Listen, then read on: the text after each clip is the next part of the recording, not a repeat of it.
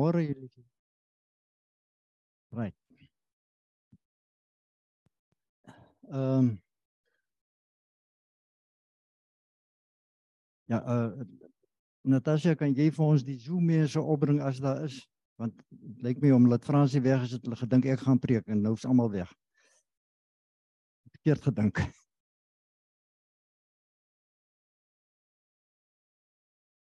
Môre almal wat op Zoom is. Nie baie nie. Maar is daar. Right. Kom ons begin. Ons maak ons oor toe. Ons Hemelse Vader, ons sê vir U dankie vir hierdie môre. Ons dankie Here dat ons al is ons min steeds in U teenwoordigheid kan kom vergader en weet dat U Heilige Gees is nie weg nie, U is hier. U hoor en U sien. Ons vra Here dat veral waar Fransie gaan preek in in uh Ariel Gate Here dat U haar ook sal seën en ook vir Piet wat hier die woord gaan doen. En dankie dat ons weet dat U ons predikers seën en U die boodskap gee, nie die prediker nie. Ehm um, Amen. Net een afkondiging, julle moet onthou die 9de April is ons Pesagete. Ehm uh, vir die wat nie weet nie, En dan voor ons gaan worship gaan ek vir Natasha vra om net vir ons terugvoer te gee oor die Lesotho naweek wat hulle gehad het.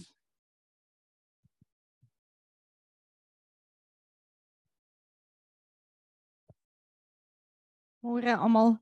Ehm um, ja, ek moet sê soos ek reflekteer oor die naweek, besef ek net hoe awesome God gewerk het en dit was vir ons regtig 'n voorreg om deel te wees van dit want wat 'n mens het besef het is dis God wat die naweek gereël het. Ehm um, daar was 'n datum gewees wat die mense nie kon bywoon nie en toe is die datum geskuif na gister na die naweek toe. En hoe al die tyd net in plek ingeval het. Ehm um, as 'n mens kyk gister was uh as jy na Lesotho se se se geskiedenis kyk koning Moshesh het ehm um, is Lesotho begin of gestig en hy het betaal om 200 beeste betaal om die Franse Hugenote missionaries in Lesotho te kry en daar het hy die land aan God gededicate. En gister was daar die herdenking van daai dag. So dit was nogal 'n profound ding om te sê want wat gebeur het in die konferensie is die mense wat daar was het die land weer teruggegee aan God. So dit was op daai dag. So dit was regtig nou amazing geweest. Die ding aan. OK.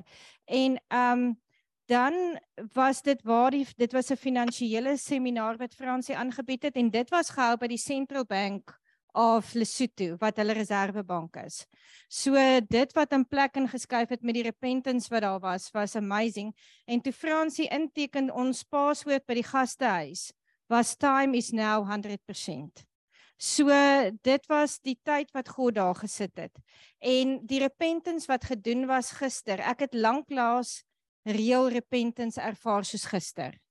'n Mens repent en jy doen dit nou maar net, maar daar was 'n dieper repentance wat ek lanklaas ervaar het. So om saam met die mense daar te kon wees om te sien wat God gedoen het, die bevryding wat daar was. En selfs soos wat ek terugdink wat ek sien wat goed in my lewe net weer in plek kon skuif. So ek weet dit was 'n afspraak met God en ek is opgewonde om te sien wat gaan gebeur in Lesotho. Piet, wil jy iets bysit? Ehm um, Piet, wie doen nie ver, verbondsmaal?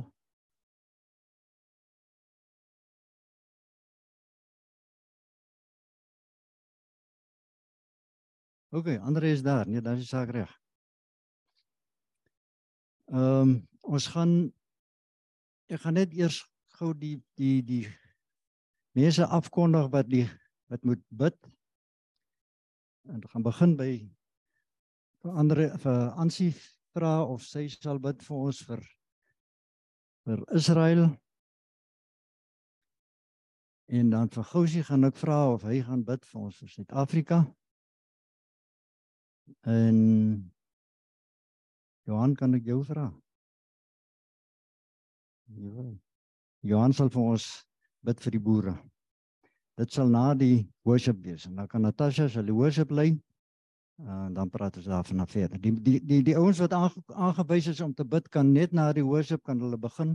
So Ansie kan by begin en dan uh pause en dan Johan.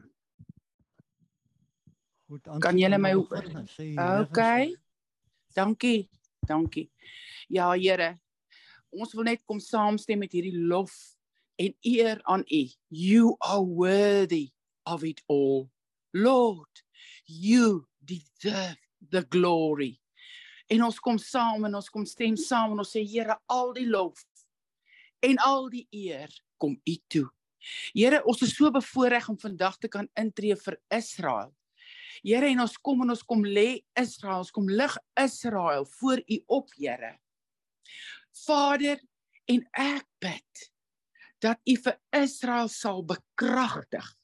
Here, ek bid dat U vir Israel soos wat U vir in die hemel dit beplan vir Israel vir die tyd waarin ons nou lewe. Dit roep ons af op die aarde. God se plan. Nie iemand anders se plan nie, nie die vyand se plan wat goed wil skaak of wat sy planne is nie. Ons roep God se plan vir Israel af. Soos in die hemel, so op die aarde. En dankie Here dat ons vir Israel kan bid, kan oplig, aan die vaskom maak, Here, en dankie dat ons deel daarvan kan wees. Wat 'n groot voorreg. We love you Lord in Jesus name. Amen.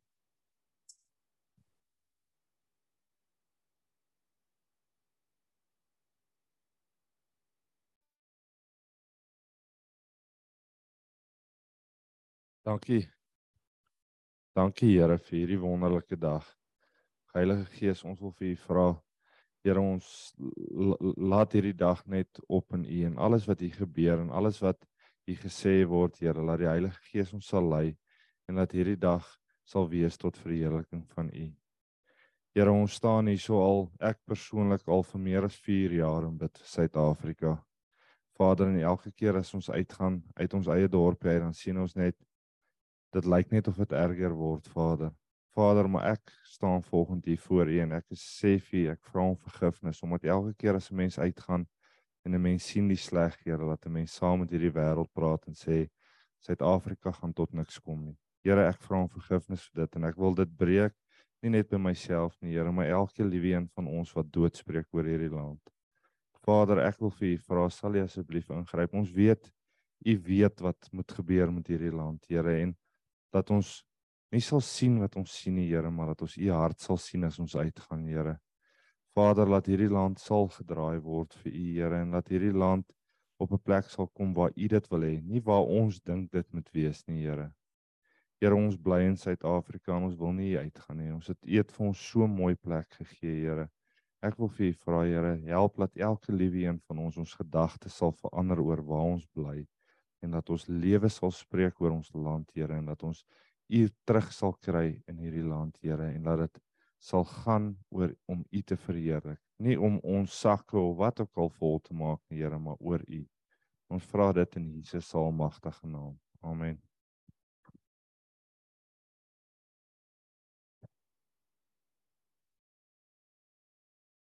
Ons almagtige Hemelse Vader, dankie dat ek vanoggend hier kan staan en vir ons boere kan bid. Here, waar ek nie self 'n boer is nie, maar besef ek elke dag hoe afhanklik ons van ons boere se hande is, Here, en hulle harde werk. Ek dra aan U op elke boer en ook elke boervrou wat hulle mans elke dag het ondersteun hulle daaglikse take. Dankie dat hulle elke oggend opstaan met die nodige krag en wysheid om hulle daaglikse take te verrig. En dankie dat U ons as 'n gemeenskap ons sal seën. Waar ons soveel uitdagings staan, in die gesig staan wat hulle sê ons hulle gaan ons shut down as ek die Engelse woord kan gebruik. Maar dan dat ons weet dat ons U naam hierdie donker vyand sal kan verslaan. Here, ek dra op al die toekomstige oeste, elke voerkraal en elke boer in hierdie land waarmee hulle ook al besig is. Seën hulle, Here, want ons besef hoe, hoe afhanklik ons van hulle is en ek vra ook dat ons land ook sal besef hoe afhanklik ons van ons boere is. Asseblief Here, behoed en bewaar hulle want ons weet net aan U behoort al die krag en al die heerlikheid in ewigheid. Amen. net voor ek vir Piet aan die woord stel, ek het 'n bietjie nagelaat om vir Dirk Konen Kotse môre saam met sy ouers hier in ons gemeente te verwelkom. Sy wat sy wat so praat daar, hy wou net wat welkom geheet wees. Mooi môre julle. Welkom hier. Piet, ek dink is jou beurt. O, okay, ja, sorry. Staan bietjie op en sê net wie.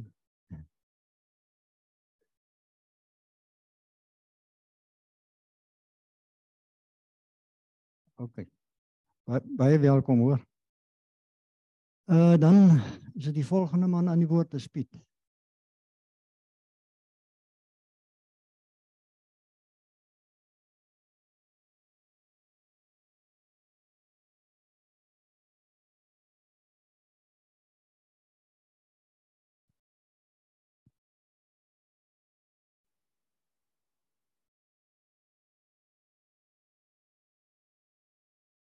Mooi vir julle.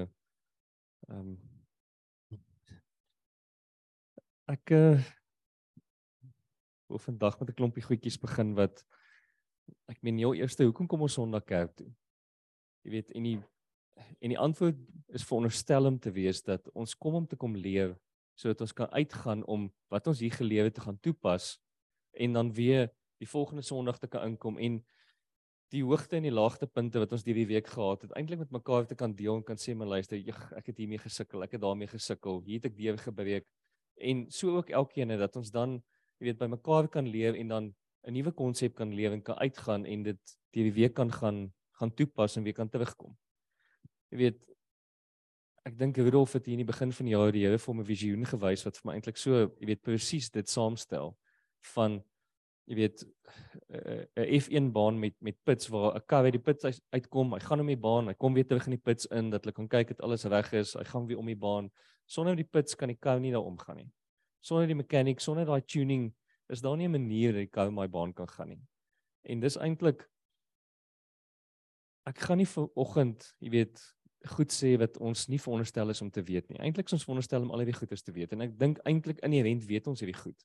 Maar ons breine op 'n manier as dit nie ordentlik verwoord word nie, is daar nie 'n plek om half goed aan te hang nie. Jy weet ek wil eintlik net so 'n bietjie perspektief bring met met sekere goed wat ook beteken dat ek goed gaan sê waar, waarvan ons nie noodwendig gaan hou nie. En ons is nie veronderstel om noodwendig Sondag hier in te kom en van alles te hou wat gesê word nie. En daar's 'n baie goeie rede daarvoor. Jy weet as jy 'n 400 gaan doen in 10 minute en jy het 'n afrigter wat jou afrig, is daai afrigter nie veronderstel om vir jou te sê, baie mooi, jy het 'n 400 meter in 10 minute gedoen. Hy's veronderstel om vir jou te sê, dis great, ek sien wat jy gedoen het, maar weet jy wat jy kan beter doen? En hy gaan jou challenge en hy gaan jou druk om beter te kan doen.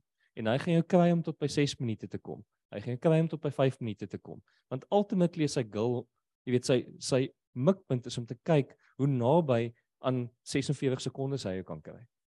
En dit is sy doel. En jy is nie noodwendig veronderstel om daarvan te hou nie, want niemand van ons hou daarvan as ons ge-challenge word nie.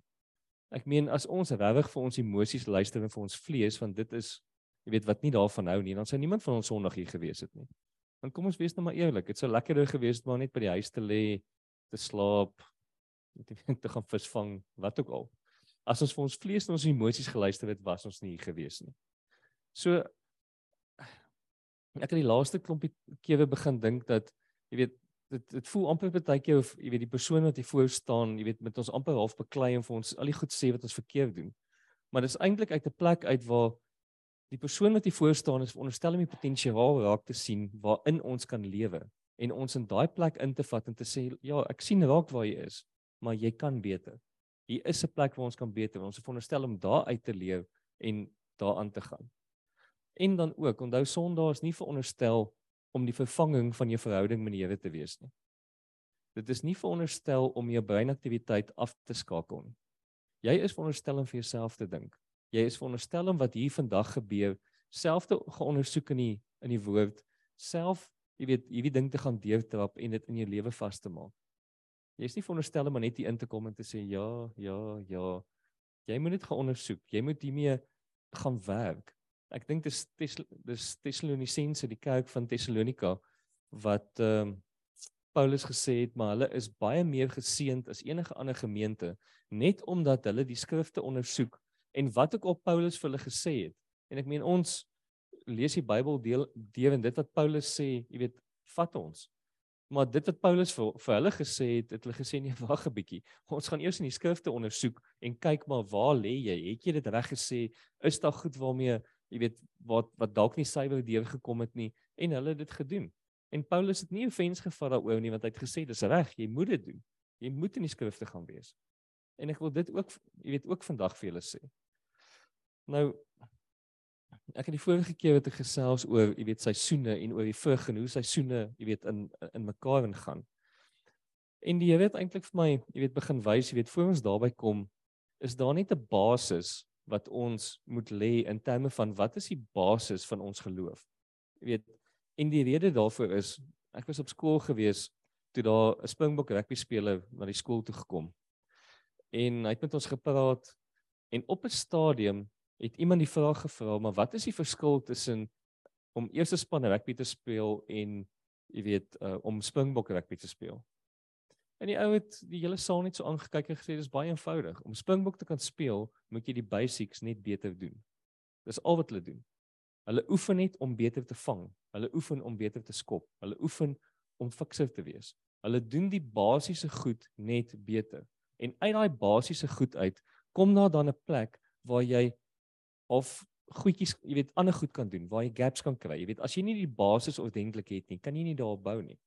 En dis ook wat ek vanoggend vir julle wil sê en dis ek eintlik al wil teruggaan na die basis van ons geloof want as ons daai basis nie in ons vasgemaak het nie, kan ons nie daar bou nie. En as ons nie daai basis elke dag doen nie, kan ons ook nie daar bou nie.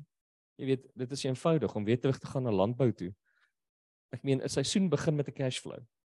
Daaruit moet jy jou lande gaan voorberei. Ek meen daaruit moet jy, jy weet jou hele supply chain en al die goed wat jy gaan kry op hierdie plaas moet jy uitsorteer. Jy moet jou plantstelsel uitsorteer, hoe jy gaan plant, wanneer jy gaan plant. Jy moet uitsorteer, jy weet hoe jy jou mielies se gesondheid hou, hoe jy hulle skoon hou. Jy weet daai hele proses moet jy uitsorteer. Dan moet jy uitsorteer Jy weet hoe jy jou onderhoud op jou plaas gaan doen, hoe jy al daai stelsels regkry en dan kom jy by strip uit en dan begin dit oor. Nou hoe jy hoe diep jy in jou cash flow ingaan hang van jou af maar daar's voordele en nadele daarin en jy moet die gevolge daarvan dra. Hoe goed jy in jou voorbereiding van jou lande ingaan hang van jou af. En hoe hoe diep jy daarin gaan en jy weet het voordele en nadele en jy gaan dit moet dra. En as jy nie daai basiese goed doen nie, kan jy nie ander goed begin doen in daai besigheid, jy weet wat nodig is nie. Jy weet al die die die fancy goed.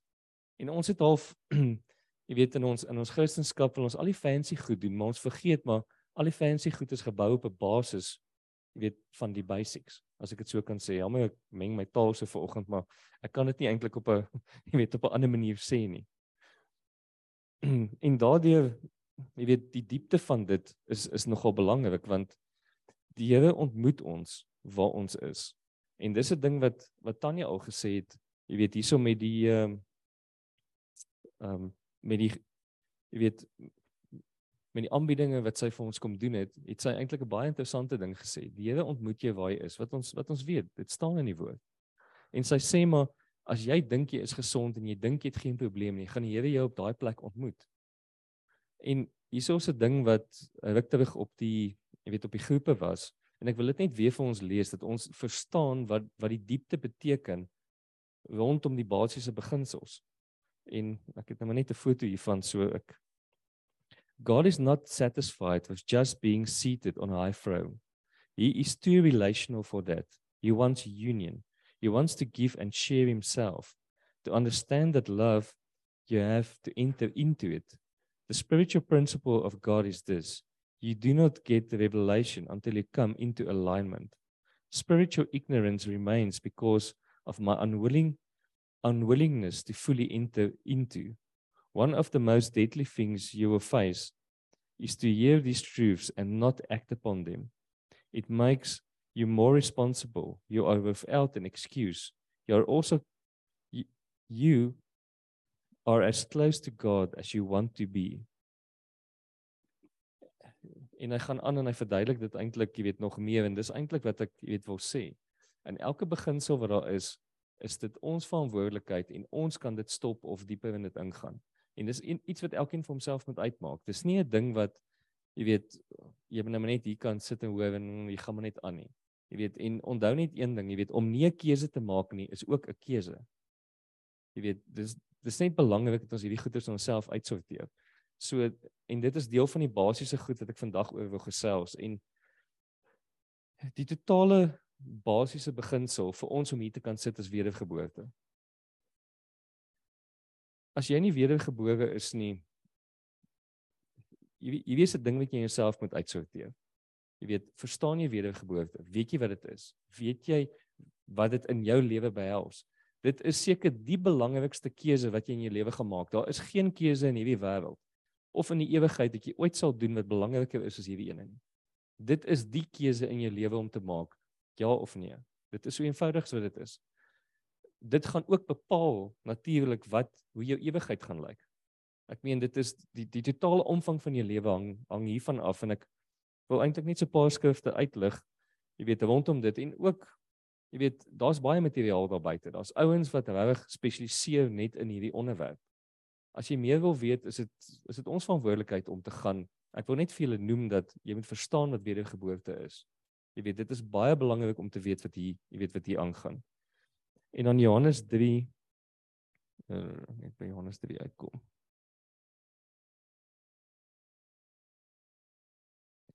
Johannes 3 vers 1 tot 7. En daar was 'n man uit die Fariseërs met die naam van Nikodemus, 'n owerste van die Jode.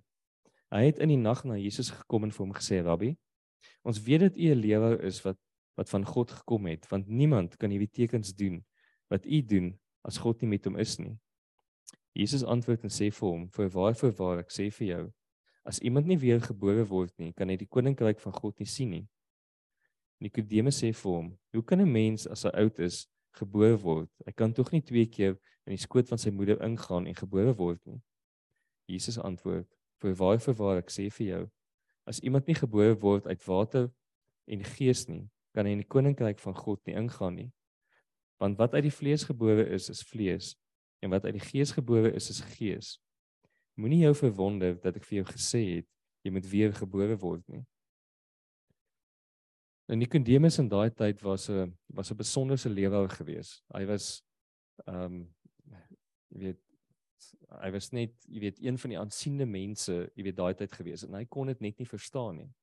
En alhoewel ek dit wil uitlig is ons moenie arrogant genoeg wees om te dink dat ons dit verstaan nie en ek sê nie jy verstaan dit nie. Ek wil net jy weet dit kom uitlig dat maak seker dat jy dit verstaan want ek struggle baie mee. Jy weet, van tyd tot tyd struggle ek Jenny nie meer en van tyd tot tyd wonder ek hieroor. En ek dink dit is belangrik want dit is ek sê, dit is die belangrikste besluit en beginsel wat jy in jou lewe sal vasmaak, ja of nee. En ek dink nie dis iets wat ons net oor moet hardloop nie. En as jy dit uitgewerk het, jy weet toe jy 10 was, jy weet great. Jy weet maak net seker dat jy hierdie ding verstaan. Want as hierdie basiese beginsel nie in jou lewe is nie, dan is daar eintlik niks. Dan is eintlik die hele dag wat ons hier doen beteken dan eintlik absoluut niks. En ongelukkig is daar baie mense wat in die kerke sit wat hierdie goed nie verstaan nie. En ek sê nie jy is nie wedergebore nie. Luister mooi wat ek sê. Maak dit asseblief bitter seker want dit is die basiese beginsel, dis die beginpunt waar ons begin. En as jy daai ene het nie, dan het jy niks van die res nie. En ek wil aangaan met Johannes 3 vers 16. Want so So lief het God die wêreld gehad dat hy sy enigste gebore seun gegee het sodat elkeen wat in hom glo nie verlore mag gaan nie, maar die ewige lewe kan hê. En is tog, jy weet, 'n klompie skrifte in Johannes 14 wat ek ook vir julle wil lees. En ek gaan vandag eintlik baie meer skrifte lees oor die konsepte um wat ek dink regtig belangrik is. Jesus antwoord hom: Ek is die weg en die waarheid en die lewe. Niemand kom na die Vader behalwe deur my nie. As julle my geken het, sou julle my Vader ook geken het. En van nou af ken julle hom en julle het hom gesien. Van wedergeboorte af gaan ons na doop toe. Doop is die volgende stap in die basiese goed van, jy weet, van ons loop. En hier wil ek ook net drie skrifte vir julle lees. Daar is baie geskrifte oor die doop. Daar is baie geskryf oor die doop. Daar is as jy meer wil weet en as jy dit wil deurtrap, daar is weer eens ons hele biblioteek hierso wat ek sou verbaas wees as daar 'n onderwerp is wat nie in die biblioteek is nie. En afgesien daarvan, ek meen ons te geestelike leier aan die Fransie wat ek dink sy het omtrent al elke boek gelees wat geskryf is, jy weet uit die uit die Bybel uit en oor verskillende konsepte wat in die Bybel aangaan. As ons nie goed weet nie. Hierso is tussen ons wat hierso sit en tannie Fransie is hier jare se ondervinding en geloof en goed wat deurgetrap is. Hier's kennis wat ons tussen mekaar hierdie goed regtig kan kan uitsorteer. Ja, jy moet dit in jouself doen. Maar as jy hulp nodig het, hier is genoeg hulp hier rondom ons. Jy hoef nie alleen te voel in hierdie goed nie. En ek wil na Handelinge 8 toe gaan.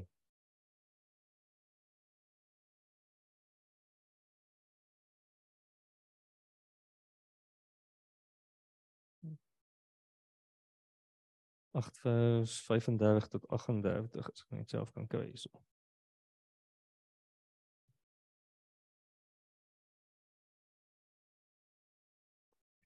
En Filippus het sy mond geopen en van die en van hierdie skrif af begin en die evangelie van Jesus aan hom verkondig. En terwyl hulle voortreis op die pad, kom hulle kom hulle by water en die hoofdienaar sê vir hom: "Daar is water. Wat verminder my om gedoop te word?" Toe sê Filippus: "As jy glo met die hele hart, is dit geoorloof." En hy antwoord en sê: "Ek glo dat Jesus Christus die seun van God is." En hy het beveel dat hulle die wa moes moes stilhou en hulle het altoe in die water afgeklim Filippus en die en die hofdienaar en hy het hom gedoop. En dan Handelinge 2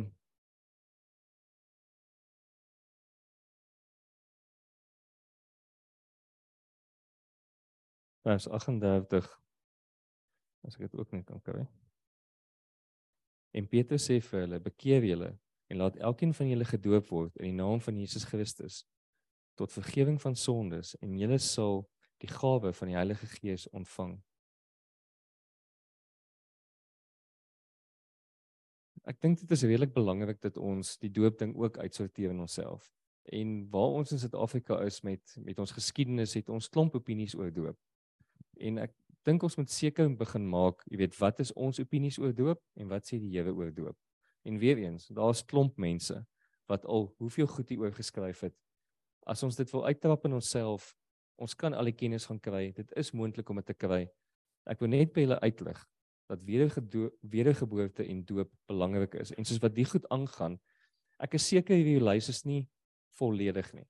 Maar dis wat die Here vir my nou gewys het wat belangrik is en wat ek dink ons veronderstel is om bietjie op ag te slaan en en deur te trap in ons lewens. Nou die volgende beginsel is Bybelstudie, gebed en kennis. En hoekom is al drie van die goed bymekaar want ek dink nie jy kan hulle van mekaar af losmaak nie. Ek dink nie dis moontlik om Bybelstudie, gebed en kennis, jy weet, enigstens van mekaar af los te maak nie. Ek dink dis jy weet dit dit val eintlik basies in dieselfde konsep in en ek sal nou vir julle verduidelik hoekom ek so sê. Maar ek wil eers na Johannes 1 toe gaan. Johannes 1 vers 1. In die begin was die woord en die woord was by God en die woord was God. En dan Johannes 14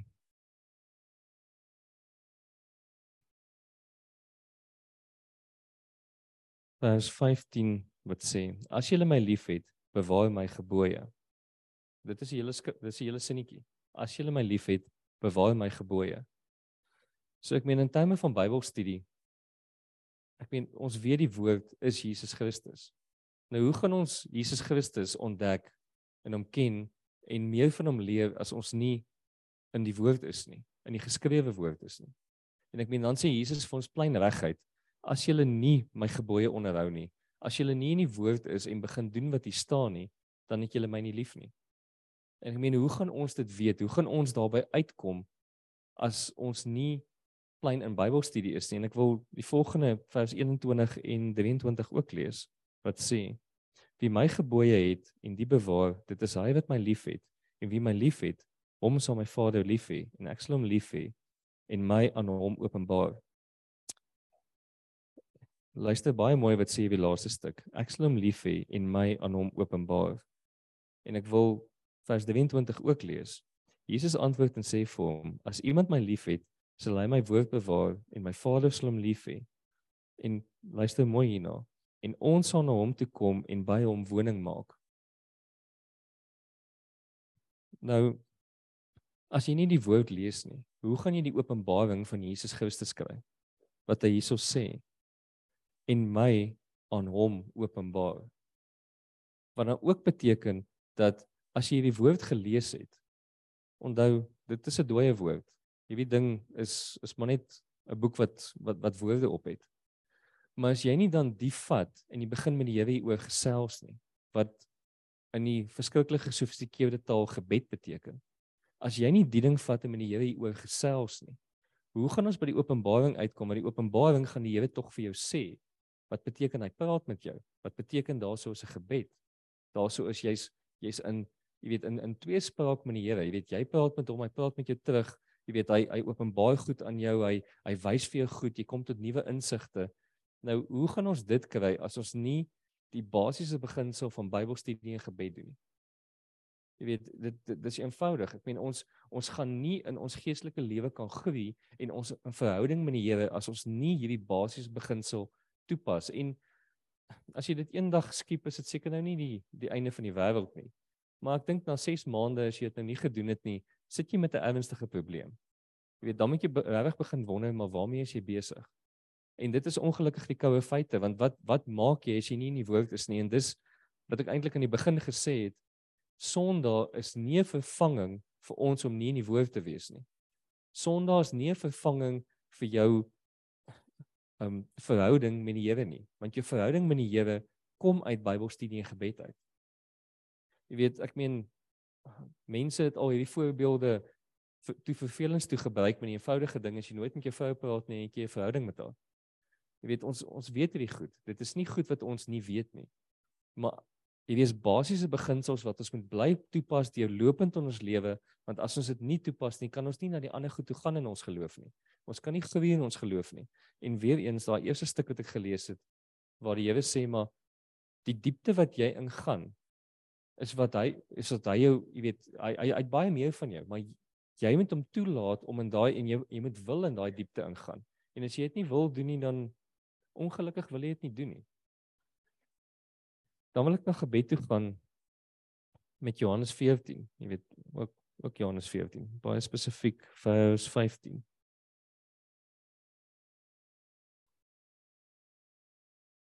Ag, skus, Johannes 14 uh 13 tot 14.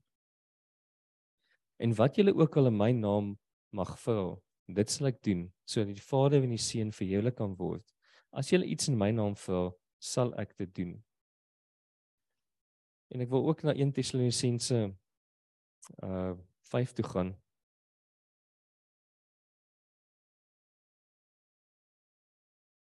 Vers 17.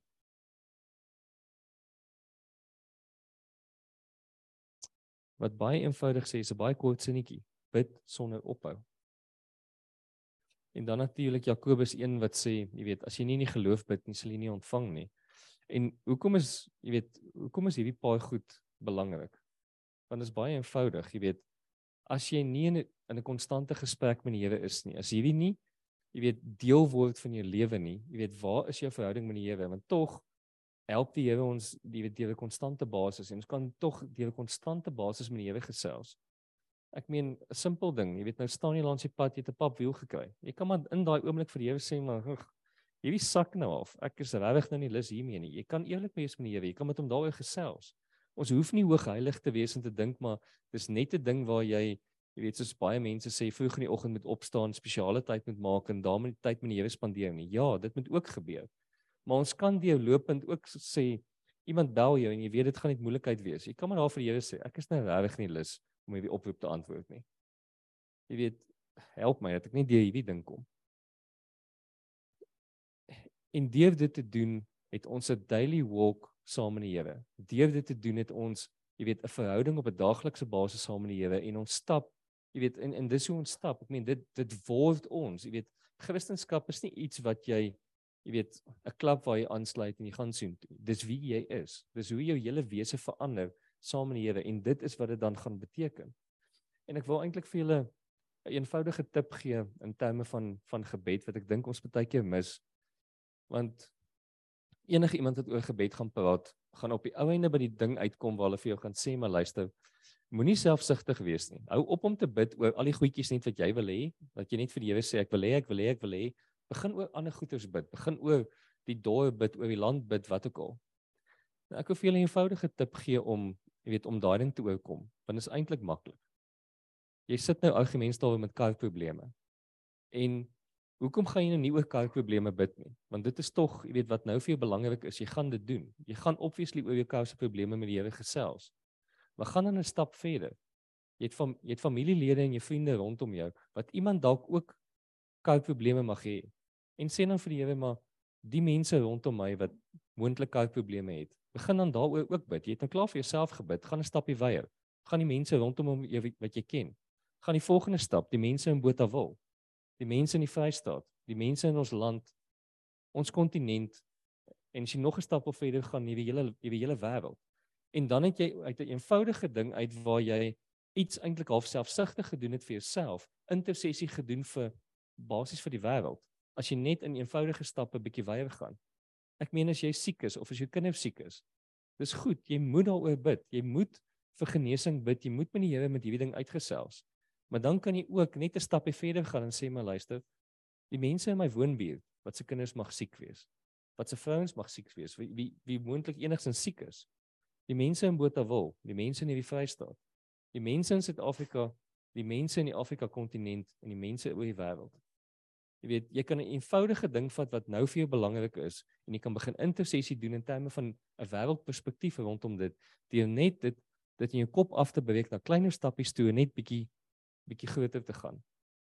En ek het ek het agtergekom vir my werk dit nogal net 'n eenvoudige rede want as jy nou die konsep wil toepas maar hou nou op selfsugtig wees jy weet in jou in jouself en net die hele tyd vra vra vra jy weet van die Here af en jy daai nou weg en jy wil nou ewe skielik vir die wêreld bid dan as jy eenvoudige ding o gits maar hoe hoe bid ek vir die wêreld? Jy weet wat, wat is belangrik? En jy mis eintlik die details in die wêreld wat belangrik is want die details is vir God belangrik. En wat se details is dit jy het jy afgeklim het jy toon gestamp. O, en nou, jy weet bid oor jou toon, maar daar's ander mense in die wêreld wat ook hulle toon gestamp het. Hulle het ook daai gebed nodig. Daar's ander mense in die wêreld wat se radkas ook gebreek het. Hulle het ook daai gebed nodig. Daar's ander mense in die wêreld wat ook met hulle munisipale rekeninge sukkel. Hulle het ook daai gebed nodig. Daar's mense wat ook sukkel daarmee dat hulle nie weet hoe om hulle budgets bymekaar te kry nie. Daar's mense wat ook sukkel in hulle besighede. In in elke aspek van ons lewens is daar mense in hierdie wêreld wat daarmee sukkel. So ons kan maar net sowel die goed wat vir ons belangrik is op hierdie oomblik vat en dit begin uitbrei na die wêreld rondom ons en ons noem dit intersessie. Dit is per definisie wat intersessie is. En omdat dit vir jou belangrik is, gaan jy die erns daarvan verstaan en jy gaan uit daai hart uit vir mense oor die wêreld bid met daai eenvoudige dingetjie om dit uit te sorteer. Ons moenie die Nehemia begin so vergeet wat plain sê dat bou voor jou eie huis. Dis al wat jy hoef te doen. Jy hoef nie al die mure te bou nie. Bou net die stukkie voor jou eie huis. En wat is dit anderste as ons bou maar net dit wat nou vir jou belangrik is, is jy besig om die wêreld in te bou. En dan wil ek by kennis uitkom wat ons ook nie van die hele ding kan kan losmaak nie. Want sonder Bybelstudie en gebed, hoe gaan jy kennis opbou? As jy nie in die woord is en saam met die Here jy weet hierdie woord deurstap nie, dan het jy nie kennis nie. Jy gaan nooit kennis opbou nie. Maar nou wil ek die volgende ding ook vir julle sê is dat kennis is groter as dit. Ja, ons moet kennis in die woord hê. Ons moet kennis van van Jesus Christus hê. Maar onthou die die Here het hierdie wêreld gemaak. Ons moet kennis van die wêreld ook hê. Wat beteken daar waar jy is en wat jy ook al doen?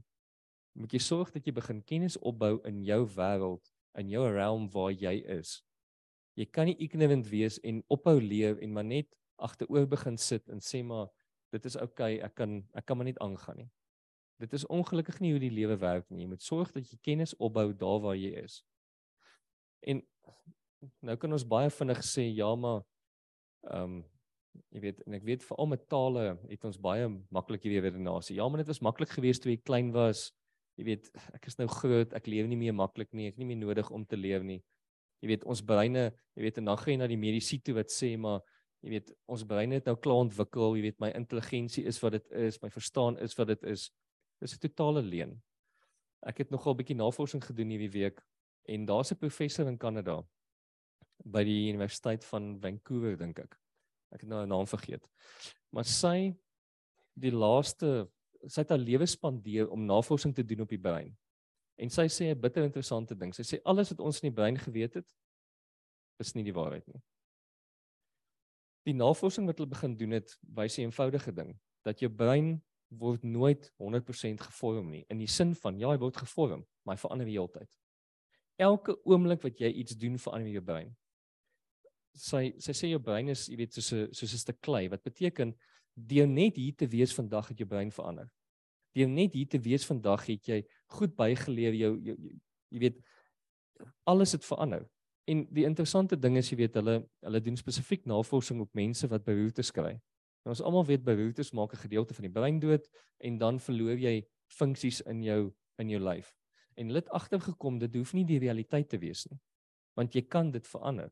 Jy kan dit wat argumente daar was sê net maar daar's 'n gedeelte in die brein wat jou hand se oop en toe, jy weet, beheer het en hy het nou seer gekry. Jy kan daai funksie skuif na 'n ander plek toe in jou brein sodat jou hand weer kan oop en toe maak. Dis nie noodwendig die maklikste proses onder die son nie. Jy weet, dit is so, maar die feit van die saak is kennis is belangrik. Jy weet dit dit dit help ons breine en dit help ons jy weet gees om te kan lewe in die wêreld waar die Here ons ingesit het. En dan baie belangrik, uh ek wil vir julle Hosea 4 vers 6 lees wat wat almal altyd jy weet sê maar ek wil die hele daai hele skrif vir julle lees. Ons wil net Hosea hier kan kry.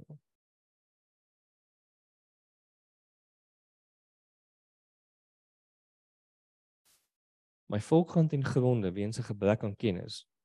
Nou almal stop gewoonlik die skrif hierson. Nou is dit nie belangrik was om kennis op te bou nie. Sou die Here dit nie in die woord ingesit het nie. My volk gaan ten gronde weens 'n gebrek aan kennis. Omdat jy kennis verwerp het, sal ek jou verwerp. Omdat jy vir my die priesteramp nie sou bedien nie, omdat jy die wet van van jou God vergeet het, sal ek ook jou kinders vergeet. Ek dink dit is nogal 'n redelike ernstige skrifgie. Ek dink dit is iets wat ons nogal redelik moet op ag slaan om kennis op te bou. Ek dink dit is regtig nogal belangrik. Um dis baie maklik om my eerste stukkie te lees en ons jy weet in onsself te sis en te sê okay maar ek weet lewe is nou nie my lewe is nou nie so sleg nie jy weet dinge gaan nou nie so erg nie maar as jy die res van hierdie ding lees dat ek meen beteken dit in die event dat jy nie in 'n priester amp kan instap as jy nie die kennis het nie? Ek meen ons almal is baie vinnig om te sê ja maar jy weet ons is ons is 'n priesthood you know a peculiar people jy weet daai hele daai hele skrif maar weer eens onthou daar's 'n daar's 'n voorvereiste vir dit en dan wil ek Spreuke 1 vers 5. Ek gaan dit net in Engels lees van die Afrikaans sê dit nie so lekker nie. Let the wise listen and add to their learning and let the and let the discerning get guidance. Luister mooi na hierdie skrif. Let the wise listen and add to their learning and let the discerning get guidance. Wat ek weer eens hier net wil sê, kennis is belangrik. En dis hoekom Bybelstudie, gebed en kennis in dieselfde asem hardloop. Weer eens, ons die hele biblioteek hierso, as jy wil, kan jy baie kennis opbou. Hierso is goed oor elke onderwerp en is redelik diepte onder elke onderwerp. Jy weet daar is niks hierso wat ehm um, wat halfhartig gedoen is, jy weet in die biblioteek nie. Die ouens, die ouens wat hier beland het, regtig die onderwerpe, jy weet, goed deur deur getrap. En nou wil ek by die volgende een kom, die vrees van die Here. Hoekom is die vrees van die Here belangrik? Ek gaan dit nou vir julle lees, ook in in Spreuke 1:7, maar gaan dit ook in Engels lees. The fear of the Lord is the beginning of knowledge but fools despise wisdom and instruction.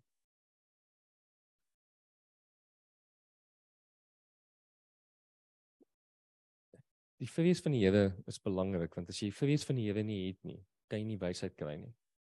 Die Afrikaans sê die vrees van die Here is die begin van alle wysheid. Dit is 'n baie belangrike konsep in ons lewens vas te maak want die volgende punt gaan gaan heiligmaking wees. En heiligmaking kan nie gebeur as jy die vrees van die Here nie het nie. Want eintlik as jy die vrees van die Here het, wat gebeur met ons? As iemand vir jou sê, jy weet iets eenvoudigs van jy weet jy, jy mag nie vloek nie. Ek ek vat net sommer net 'n jy weet 'n stupid voorbeeld. As jy nie die vrees van die Here het nie, gaan jy baie sukkel om daai ding in jou lewe vas te maak. Want hoekom? Want jy gaan nie die nut daarvoor sien nie. Jy gaan nie jy gaan nie jy gaan dink maar luister, dit is mos nie nodig nie. Wat is die punt om nou hierdie stukkie, jy weet, in my lewe te verander? Maar as ons nie die vrees van die Here het nie, gaan jy baie sukkel om goed in jou lewe te verander want jy gaan nie die nut daarvan raak sien nie. En dan die volgende ding is as jy nie die vrees van die Here het nie, het jy nie wysheid nie. Jakobus 1 sê as jy wysheid kort kom, bid dit van die Here af en hy sal dit vir julle gee sonder aanneming van die persoon. Dit is baie goed, maar dan gaan jy weer terug na na Spreuke 1:7 toe wat sê maar die vrees van die Here is die begin van alle wysheid. Wat beteken as jy nie vrees van die Here het nie, gaan jy nie die wysheid kry nie. Maar hoekom is wysheid belangrik? Ek meen dit is eintlik baie eenvoudig. Die vorige punt was kennis gewees. Ja, ons moet kennis ons lewe kry, maar kennis help jou net mooi niks sonder wysheid nie. En ek kan dit vir jou vir julle baie maklik verduidelik. Ons land se president dink ek het redelik nogal kennis oor ons land. Enige iets wat ons dink wat ons weet van Eskom af, wat ons dink ons weet van die munisipaliteite af of van die budget of van wat in die land ingaan, ek garandeer julle hy weet meer. Hy het al die hy het al die advisors, hy het al die inligting tot sy beskikking. Hy is 3 keer man 100 keer meer ingelig as enige een van ons hierso wat dink ons weet iets oor hierdie land. Die probleem is, hoe pas hy dit toe? Dis waar die probleem inkom. Ons kan ons duidelik sien dat die toepassing daarvan het nie wysheid nie. En dan kan jy maar na elke landsleier in die wêreld kyk. Ek meen Putin wat die hoof van Rusland is. Ek garandeer julle daai ou weet wat rondom hom aangaan. Biden, ek garandeer julle hy weet wat aangaan. Piek pieke president in die wêreld. Ek garandeer julle hy weet hulle weet wat om hulle aangaan. Die probleem is het hulle het hulle wysheid. Want die wysheid se definisie is die toepassing van kennis. Sonder wysheid help kennis jou niks. Dis goed om wysheid op te op te ja kennis op te bou en ons het gesien dis belangrik om kennis op te bou. Maar dit is net so belangrik om wysheid op te bou. En hierdie goed is volg mekaar. Jy kan nie die een sonder die ander hê nie. Wat my bring na die volgende punt toe van van heiligmaking. Wat is heiligmaking? Dis eintlik baie eenvoudig. Dis om aan die einde van hierdie dag 'n klein bietjie meer soos Jesus Christus te lyk. En ons gaan faal en ons gaan sukkel daarmee en ons gaan dit nie noodwendig elke dag regkry nie. Maar die punt is is om aan die einde van die dag ten minste te probeer, maar luister, het ek in Jesus se voet, se voetspore geloop vandag? Het ek probeer om dit reg te doen? En daar waar ek dit daar waar ek dit nie gemaak het nie. Here, wys my wat daar aangaan. Wys my hoe hoe, hoe werk hierdie ding? Wys my wat kan ek verander? Wat is daar myself waarna ek moet werk en hoe moet ek aan dit werk? Weereens om te weet jy moet aan geduld werk. Help jou net mooi niks as die Here nie vir jou die wysheid gee om met geduld te werk nie. Want hoe gaan jy dit doen? Ek meen ons almal van so groot af probeer om meer geduld in ons lewens kry. Jy weet, ons ons probeer dit ongelukkig uit onsself uitdoen en ons probeer dit onsself uit al die goeders doen. As die Here nie ons help met sy wysheid en sy krag in daai plekke nie, jy weet, ek is jammer maar ons ons gaan bly loop en val soos wat ons aangaan. Daai deurbrake kom van die Here af deur saam met hom in die woord te wees in gebed. Weereens, dis jy weet, dis waar al die goeders vandaan kom. En met heiligmaking wil ek vir julle twee skrifte lees. Um Johannes 8 vers 11. Waar is Johannes nou?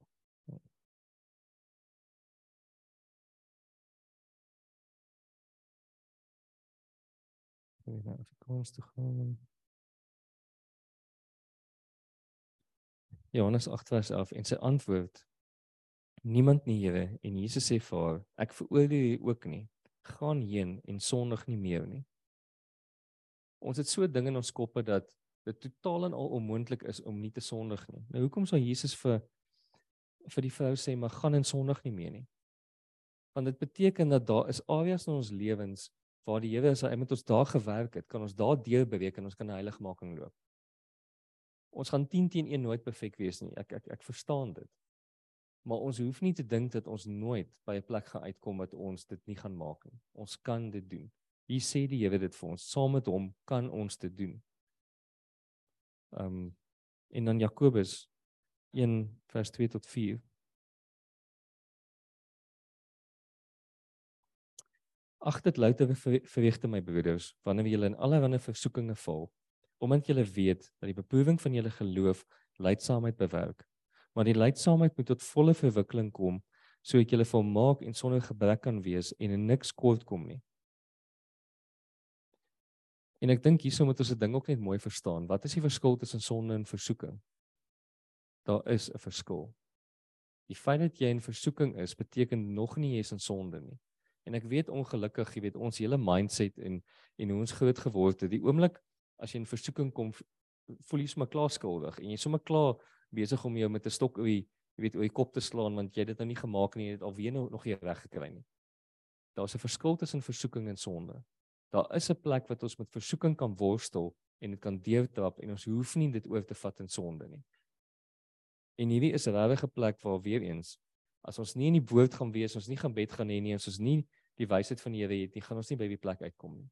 Maar ons kan by 'n plek uitkom waar soos Jakobus hierso sê, volmaak en sonder gebrek kan wees en in niks kort kom nie. Ek is definitief nog nie daar nie. Ek is baie ver van dit af. Maar hierso is 'n beginsel wat ons ons lewe kan probeer vasmaak om daar uit te kom. En dan die volgende een finansies. En ek wou nie ver oggend gesels het nie Natasha dat ek dit hier kan hier kan insit. En hierso is 'n ding wat die Here vir my gewys het wat ons baie versigtig oor moet wees. Ek dink wat ons kerk aanbetref, wat ons gemeente aanbetref, sal seker goed wat ons, jy weet, amper spesialiste op is en, en finansies is een van hulle. Toe ons nou in Lesotho was, die mense wat daar was, die vorige governor van die sentrale bank het die hele ding gereël. Hy was daar gewees. Daar was 'n advokaat gewees wat al die groot projekte wat ek van weet wat in Lesotho gedoen is, joh, in die laaste 30 jaar, 40 jaar, meer as dit, was hy by betrokke gewees. Hy het 'n sentrale punt gespeel om hierdie projekte te hardloop om die goederes, jy weet, van die grond af te kry, om hulle daar te kry. En hy's nog steeds besig met jy weet met met besonderse projekte daarso. Daar het 'n ou gister na langs Natasha gesit wat almal het so half stil gebly daaroor, maar as ek mooi tussen die lyne kon gelees het en dit wat hulle laat val het, is hy 'n redelike hoëgeplaaste heidaglik in die sentrale bank en in die regering heidaglik. Die res van die mense wat daar was, was almal kerkleiers gewees van een of ander aard, jy weet reg oor uh dinge soos Lesotho gewees. Daar was 'n paar gewone mense gewees soos ons wat maar net daar gesit het. En daai mense het regtig geluister, hulle het regtig notas gemaak, hulle het regtig gevat wat daar gesê is en hulle gaan Lesotho verander as gevolg van dat hulle hierdie goedes regtig vat en in hulle lewens vasmaak. En toe ek oor finansies begin jy weet begin dink het en hierdie ding met die Here deur getrap het, het die Here vir my 'n ding gewys in Matteus 13 en ek wil dit eers lees voor ek daaroor gesels.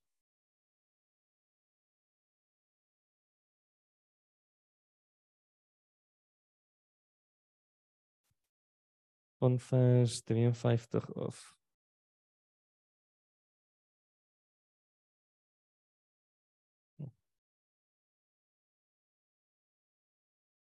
En toe Jesus hierdie gelykenisse geëindig het, het hy daarvandaan weggegaan en hy het in sy vader stad gekom wat na sy wet is.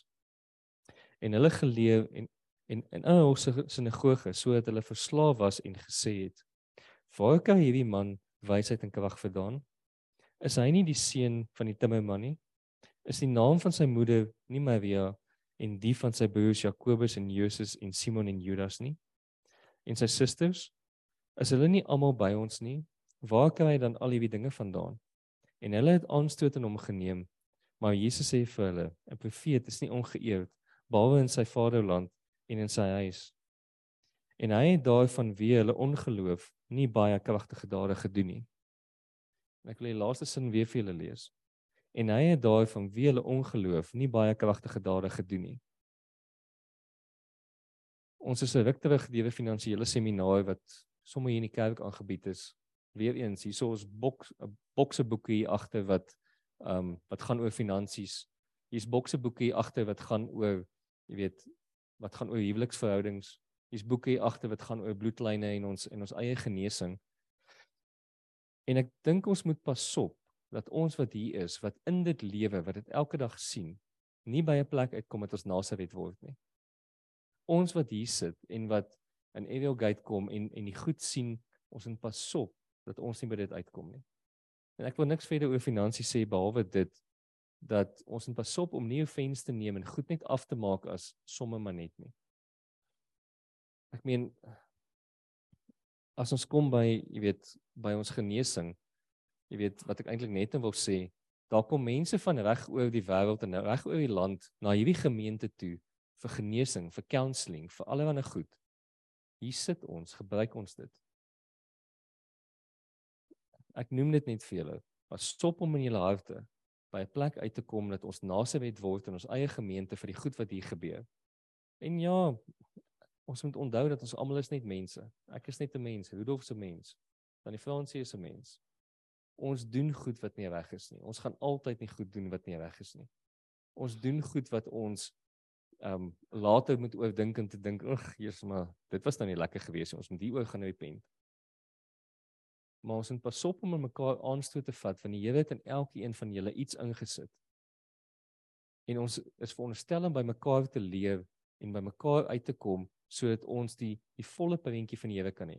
Want die Here het ons by mekaar gesit vir 'n rede. Dit beteken almal het iets om by te dra.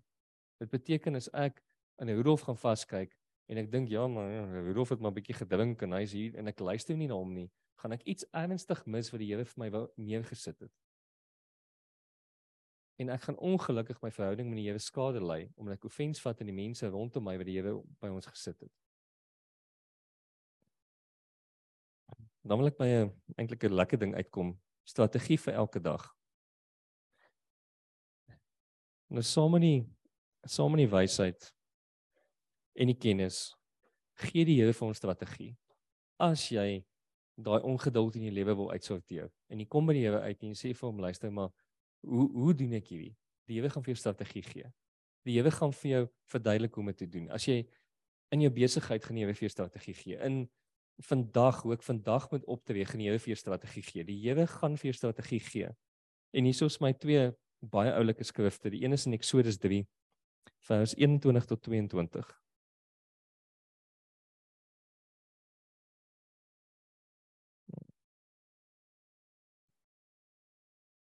en God spreek hier met Moses. En ek sal aan die volk guns verleen in die oë van die Egiptenaars. En ek sal hulle en as julle dan trek, moet julle nie met leë hande trek nie. Maar elke vrou moet van haar buurvrou en van haar wat in die huis vertoef, silwer en goue voorwerpe en klewe eis. En julle moet dit op julle seuns en julle dogters sit en so Egipte berowe. Hierdie is seker die absurdste strategie wat ek in 'n lang tyd in my lewe gehoor het. Ek meen dink mooi uh, oor. Ek meen ek moet nou na Rudolf toe gaan en vir hom sê, luister Rudolf, um, gee my jou huis. En Rudolf gaan sê, ja, dis reg, hierso. Hier is die huis. Ek ek ek loop. Ek meen dit dit, dit, dit dis wat hier staan. En ek wil ek ek ek so dis 12 vir julle lees waar dit ehm um, jy weet waar dit gebeur het.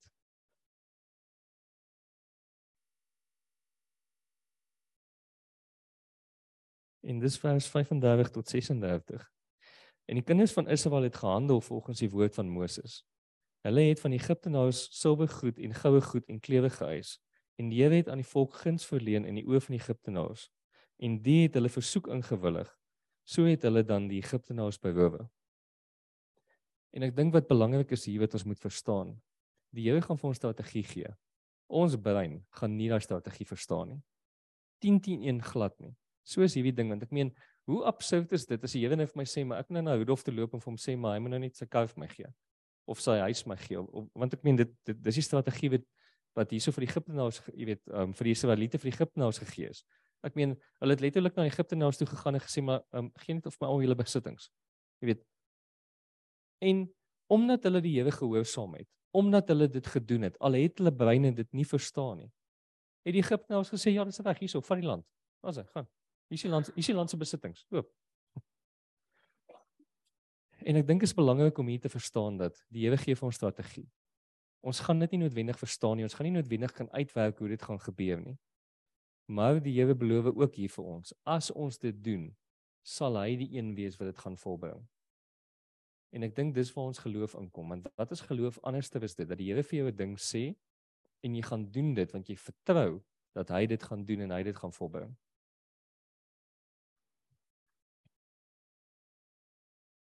Ek by die agste punt kom wat genesing, bevryding en geestelike oorlogvoering is. Waar weer eens, ek dink ons kerk is in 'n besonderse posisie waar ons genesing bestaan, bestaan. Ons verstaan bevryding en ons verstaan geestelike oorlogvoering.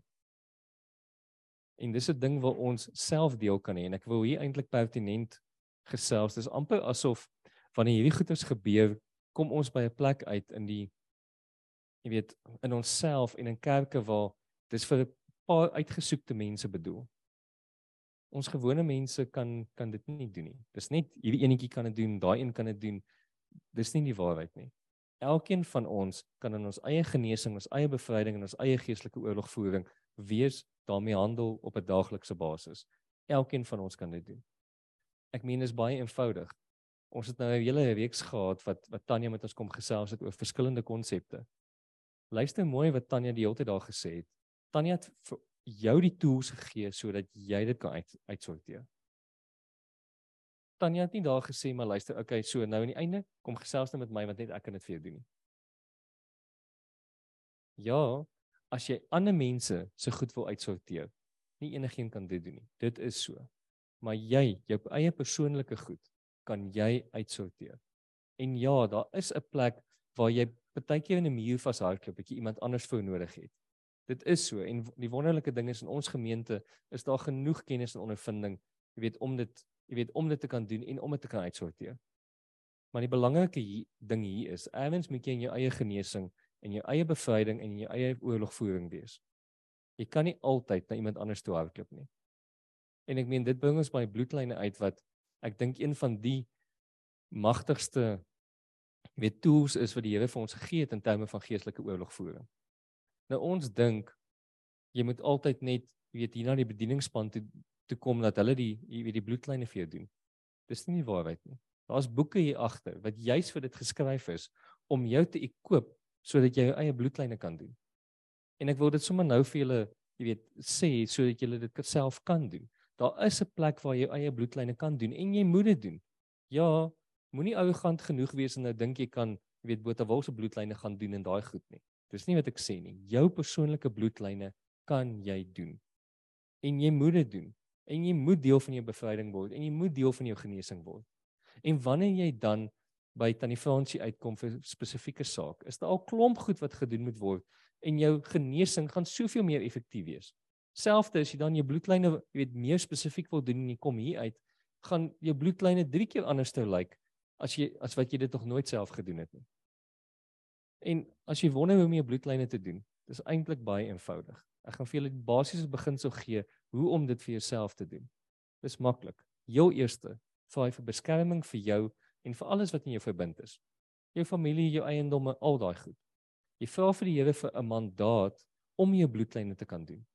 En dan maak jy jou bloedlyne oop. En dis maklik. Jy maak jou bloedlyne oop aan jou pa se kant. Jy vra vir die Here om dit oop te maak en jou pa se kant is, jy weet, sy volle name en sy van. Jy vra vir die Here om jou ma se bloedlyne oop te maak, haar volle name en haar nooiens van. En dan vra jy vir die Here om alles wat hierso is te breek. En dan is die bitter belangrike beginsel. Jy begin repent. Jy weet wat in jou eie lewe aangaan. Jy weet waarmee jy sukkel. Jy weet waarmee jy besig is. Jy kan begin repent vir ongeduld in jouself en jy weet waar jy dit spesifiek gedoen het. Jy kan met die Here daaroor begin gesels. Jy kan nie pen dat jy hierdie ding nie regkry nie. Jy kan nie pen dat jy daai ding nie doen nie. Jy weet mos jy het nie nodig dat iemand vir jou sê wat daar is nie. Die ooglopende goed weet jy in jou eie in jou eie lewe. Jy weet dit want jy sukkel daarmee. Jy weet jy kan dit self doen. Jy kan van die Here daar gaan sit en begin repent rondom hierdie goed. Maar hier is die belangrike ding. Ons moet fokus om by ware repentance uit te kom. Dit help nie net ons sê dit net nie. Jy weet, en repentance het drie aspekte wat baie belangrik is wat ons moet verstaan. Die een ding is is ja, jy sê dit. En ek meen dit is maklik. As ek Rudolf se kar gesteel het, as ek dan na hom toe gaan en sê, "Rudolf, jammer, ek het jou kar gesteel." Wat het ek gedoen? Ek het nou belydenis afgelê. Ek het nog nie repent nie. Nou moet ek gaan en ek moet dit nie weer doen nie. Dan is ek al 'n al 'n klomp stappe nader aan aan repentance. Maar nou het ek Rudolf se kar gesteel. Wie net nie weer Rudolf se kar te steel nie, het my eintlik nog nie by volle repentance uitgekry nie. Nou is die derde stap daarso wat hulle noem restitution wat ons baie vinnig mis. Dit beteken, ek gaan na Rudolf toe en ek sê Rudolf, jammer. Hierso is jou kar terug. En weet jy wat? Al hierdie krappies en goed wat ek nie eers gedoen het nie. Hierso, ek maak dit vir jou reg. Hierso. Nou het jy restitution gedoen. En ek weet daar is plekke in ons lewens waar restitution nie regtig sin maak nie want jy want jy kan dit nie eintlik doen nie. Maar dit is die drie stappe van dit. Daar is plekke in ons lewe waar ons dit moet doen. En baie belangrik is ons moet ophou met die goed wat ons doen. En dit beteken nie jy gaan dit net mooi regkry nie. Maar die wonderlike ding is as jy in jou eie bloedlyne begin inbid, wanneer jy dit weer doen en jy ja goed oopgemaak het op jou bloedlyne, kan jy weer gaan en jy kan gaan sê vir die Here, luister, hierdie ongeduld ding wat ek weer soos 'n aap te keer gegaan het in die publiek en ek het dit en dit en dit gedoen. Jy kan weer gaan en jy kan gerepent van dit en jy kan dit skoonmaak in jou lewe. En ek wil dit net, jy weet, by ons los dat ons ehm um, verstaan maar ons kan nie die goeders doen. Dis nie 'n ding wat almal, jy weet, ander mense altyd vir ons kan doen wat net uitgesoekte mense is nie. Vir jouself persoonlik kan jy hierdie goeders doen. En ek wil vir ons Jakobus 4 vers 7 lees.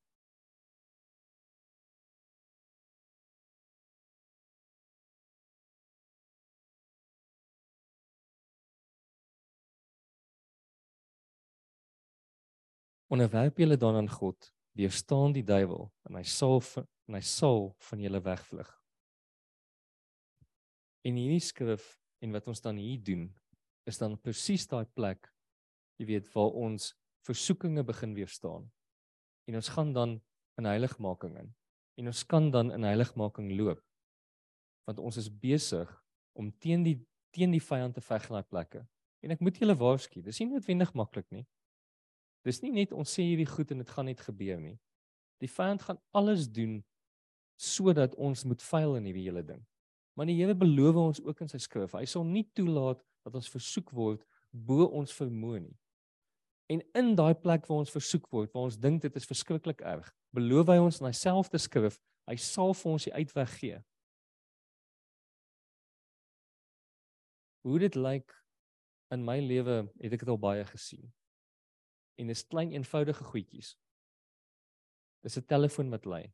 Dis iemand wat in die deur kom klop. Dit is partykeer die krag wat net plein afgaan. Dat jy nie verder die nonsens kan aanjaag waarmee jy besig is nie. Die Here help ons in daai plekke. Maar dit is belangrik om daai hulp wat hy vir jou gee te vat. Tel maar die telefoon op. Moenie dan sê maar ek is nou te kwaad, ek gaan nie die telefoon optel nie. Ek gaan eerder, jy weet, nog bly beklei waarmee ek besig is. Tel dan die telefoon op sodat daai ding gebreek kan word sodat jy by jou sinne kan kom en kan besef, o, oh, wow, wag 'n bietjie. En as jy dan nie telefoneer sit kan jy 'n situasie baie anders te hanteer. Jy net dat jy 'n klein bietjie perspektief gekry het, 'n klein bietjie weggestaan het en die Here vir jou perspektief gegee het in daai oomblik. Onthou, hierdie is 'n plek van om ons denke te vernuwe. Dis 'n deurlopende loop wat ons geloof bou. Hierdie is per definisie al hierdie basiese goed wat ek hier genoem het, is per definisie wat ons denke vernuwe. Dit is per definisie wat Christendom is en per definisie is dit wat geloof is. En as ons dit doen, sal ons denke vernuwe word en ons sal geloof bou in die Here, want dit is wat nodig is om daai goeders te bou. Ons ons wil baie keer hierdie konsepte vir mekaar af wegbreek en ons sê maar jy moet hierdie ene doen en daai ene, maar ons verstaan nie dat dit dat dit dieselfde goed is nie. Ons kan nie die een doen sonder die ander een nie. En as ons dit gaan doen, gaan ons maar sukkel en ons weet ons almal ons almal sukkel. Ek sukkel hiermee. En dis juist hoekom ek vandag hierdie goeders gesê het, sodat ons meer globale verstaan kan hê van hoe hierdie goed te mekaar sit, sodat ons die basics op 'n plek kan doen waar ons kan verstaan hoe om dit te doen. En ek wil afsluit met 'n skrif wat ek die laaste tyd begin lees het wat vir my, jy weet, nogal baie beteken. En dis Eksodus 13 vers 18.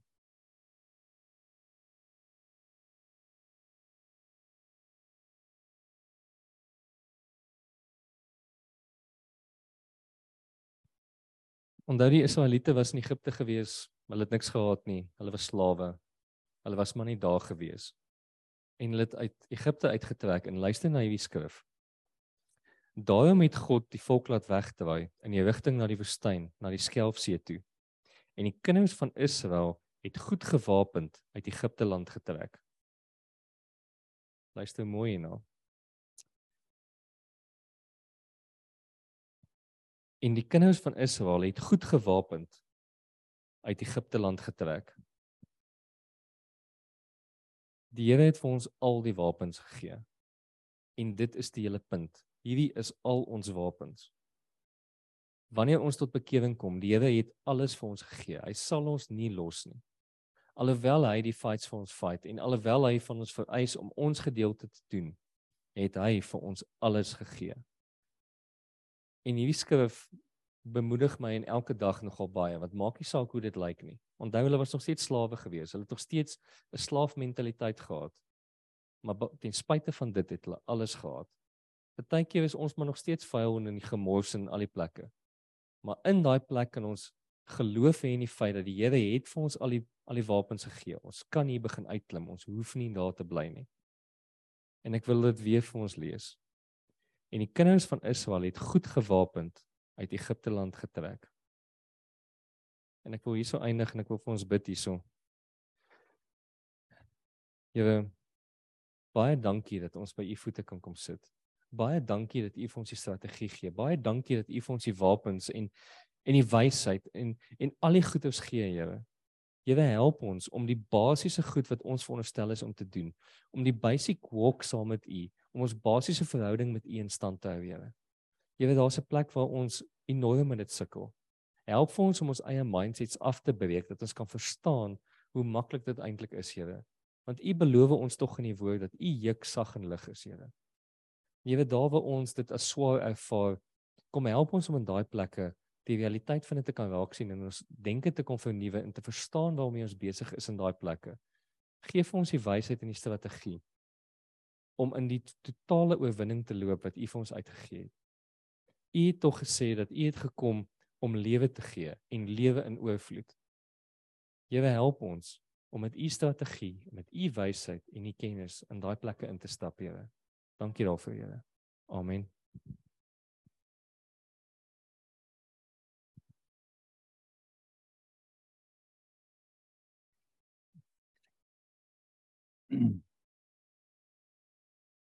Ek dink dis die mees profoundste lering wat die hele spektrum dek wat ek in 'n lang tyd gehoor het. Piet baie baie dankie. Ek weet die Here het jou ge gedra hierdeur en die Here het vir jou ook die krag en die insig gegee en die wysheid om hierdie woord te bring. Baie baie dankie. Ek dink vir elkeen wat dit gehoor het uh kan dit in sy lewe toepas verseker. Ons gaan nou die verbondsmaal bedien as julle vir ons verander hy by een daar op die bord sit. Ja, sê.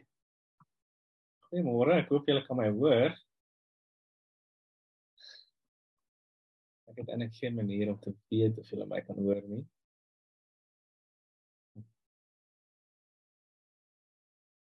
Okay. Wel, goeiemôre. Ehm um, baie dankie vir Piet. Ek dink dit is 'n lekker boodskap gewees om te luister. Praat Andre, ons Ja. hoor jou. Great. Goed. So uh Tannie Frans het my gevra om die verbondsmaal te doen en um sy het eintlik 'n besonderse manier om praat van die verbondsmaal want gewoonlik praat mense van die nagmaal. Uh want dit verwys na Jesus se laaste ete wat hy saam met sy disippels gedoen het voordat hy aan die kruis gesterf het. Want hy is van daar af Getsemane toe en toe is hy gevange geneem. Hy was vir Pilatus en al die in die hoofpriester gewees en hy's op die ou net die volgende dag, die volgende middag is hy gekruisig. Uh so as jy die verbondsmaal neem, jy neem die brood en die wyn.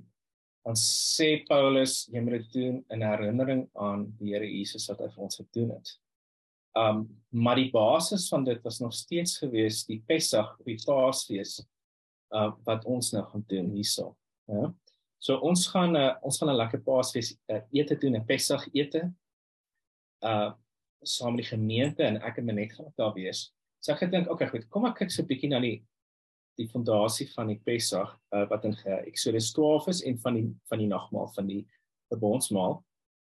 En dit sê in uh, Exodus 12 vers 1 the Lord said to Moses and Aaron wat sê hulle um vers 3 tell all the congregation of Israel that on the 10th day of this month dit gaan 'n Pessach wees every man shall take a lamb according to their father's house a lamb for households. Okay.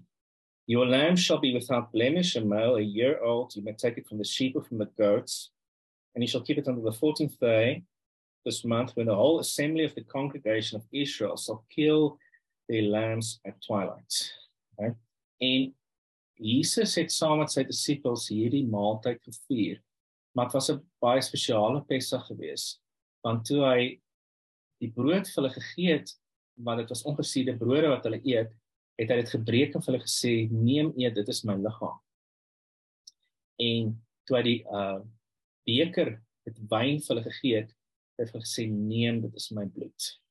So hierdie fees wat die Israeliete gedoen het in Egipte het toe al reeds geprofeteer oor Jesus se kruisdood en dat ons bevryding sal kry van elke vyand in ons lewe wat ons bind.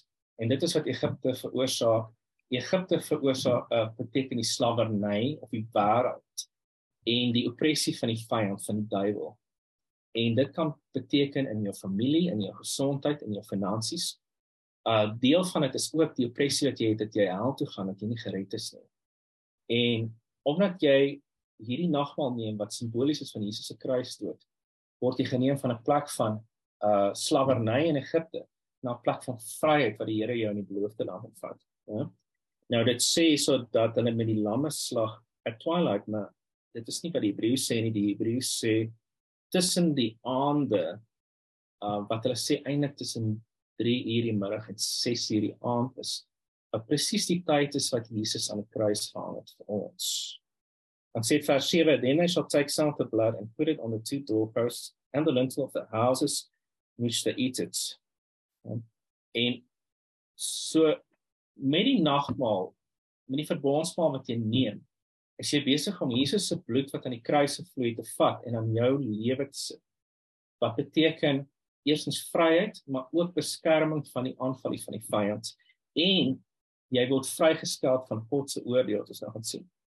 Um dan sê they shall eat the flesh that night roasted on the fire with unleavened bread and bitter herbs they shall eat it.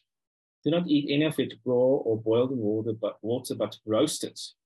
Its head with its legs and its inner parts. En die woord inner parts is dieselfde wat Psalm 103 sê, bless the Lord, O my soul, and all that is within me, his holy name. Daai inward parts is all that is within me. En uh Jesus het gesterf, okay, vir eersens vir jou kop, vir jou gedagtes, om vir jou gedagtes om vernuwe te word vir jou legs vir jou lewe vir wat jy doen sodat daar bevryding kan wees in jou daagse lewe en heiligmaking. En in jou inner parts in uh die inner parts beteken ook jou emosies en jou gedagtes maar maar veral jou emosies. En dit is hoekom ons gaan vir inner healing en die hele se bloed is spesifiek daar om genesing te bring vir al die trauma wat jy deurgegaan het sodat jy totaal al gesond kan wees in jou hele lewe gees siel en liggaam. Hmm? And um, verse 11 said, In this manner you shall eat it, with your belt fastened, your sandals in your feet, and your staff in your hand. And you shall eat it in the haste. It is the Lord's Passover. En dit is eintlik die versie wat ek op stil staan en ek kan ons die verbondsmaal neem. Uh eerstens sê hy hoe moet jy dit eet? Jy moet dit eet op 'n plek dat jy gereed is om te skuif.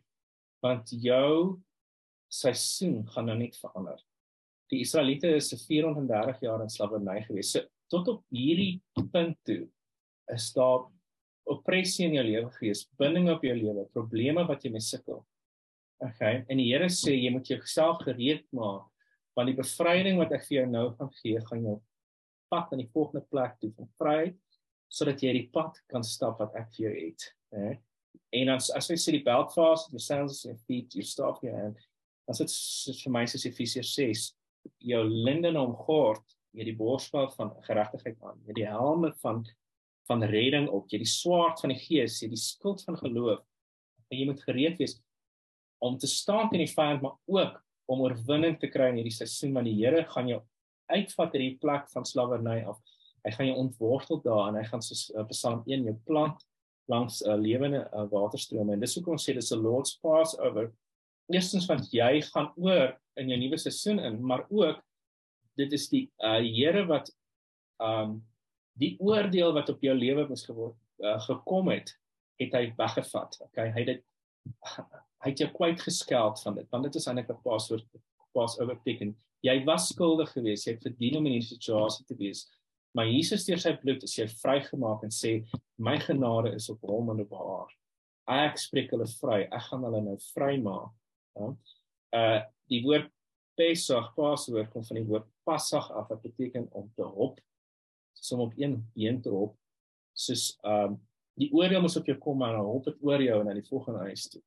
En is ook soos 'n dans hè of selfs 'n uh, uh, gebrekkigheid dat iemand 'n uh, krepeel loop soos hy hop soos op een been hè. Uh, maar dit beteken dat dit wat um op jou sou moes gekom het die oordeel van God die die ellende die vloeke jy's kwytgestel van dit jy's vrygestel daar en dit is hoekom ons die verbondspaal neem Um en dit is hoekom ons ook as Christene in die Paasfees vier die Pesach nie omdat ons 'n Joodse tradisie wil opneem en Jode wees nie, maar ons glo in die realiteit van dat Jesus aan die kruis ons gedoen het en ons kan daai vryheid hê in ons daaglikse lewens. Okay. So ek gaan nou die uh wyn en die brood vat en dat ek net 'n vinnige gebed daar doen. Okay. So Vader in naam van Jesus, ek vat hierdie brood en ek dank U dat Jesus is my Pesach Jesus is die rede dat ek vry kan wees van elke verbinding. Vader, dit is nie in my eie krag nie. Uh Efesiërs 2, ek is nie gered deur my eie krag of my eie werke nie, maar alleen deur genade en geloof in Jesus en sy bloed. Sodat ek vrygemaak kan word, sodat ek in die goeie dade kan wandel wat hy vir my, wat U Here vir my uh bedoel het in hierdie lewe. Dankie Vader vir die liggaam van Jesus wat gebreek is dat 'n nuwe en 'n lewende weg vir my gemaak het na die aan U die Vader sodat ek na U te kan kom in elke plek wat ek hulp nodig het met vrymoedigheid Here. En uh dankie Here dat dat U vervul my begeertes. U maak my vry. U deliver my van elke siekte en sonde en oppressie van die vyand. En Vader ek dankie nou vir die uh vir die bloed van Jesus wat gevloei het ook vir my Here wat my skoon was van al my sonde. Uh 1 Johannes 1 my uh, skoon was van alle ongeregtigheid. Elke plek waar die vyand nog toegang tot my lewe gehad het, kom die bloed van Jesus en was dit skoon. En Vader, ek dank U dat daai bloed nou kom op die lintels van my huis. So elke ingang wat die vyand in my lewe gehad het, word nou gestop. Elke plek waar die gees van dood 'n plek gehad in my lewe word nou gearresteer jy het nie meer 'n plek daar in my lewe nie in Jesus naam. En dankie Vader, kan ek nou hierdie verbondsmaal neem. Okay. Ek uh 'n uh, deel hê van die uh, lam se liggaam. Okay. Deel hê van die werking van sy bloed in my lewe en ek Vader, net soos dit 'n lam geslag is vir 'n familie. Vader, kan ek as die uh, man van my huis kan ek dit uh, uh, uh, gee vir my vrou, my kinders. Ek kan dit minister in my huis as 'n priester van my huis en ek kan sê ek verklaar in die naam van Jesus dat die bloed van Jesus is nou op die lintels van my huis. Die duiwel het geen plek nie, geen woorde van mense of witchcraft of aanval van die vyand of siekte of oppressie of depressie het enige plek meer in my huis nie. In Jesus naam, jy word nou uitgesit en ek word kwyt geskel van daardie oordeel oor my lewe. Ek dank dankie Vader in Jesus naam. Amen. Amen. So geniet die verbondsmaal en dis baie lekker om hierdie diens so 'n stukkie saam met julle kan doen. Julle moet 'n lekker dag hê verder. Uh Natasha, kan jy vir ons die die seën speel? Baie dankie vir almal van julle wat vandag hier was. Ek dink hierdie boodskap was so goed dat dat ek is jammer vir die ouens wat dit gemis het, regtig. Hulle het iets groots gemis. Maar almal van julle lekker Sondag verder. Enjoy. Mag die Here in sy groot goedheid saam met julle gaan.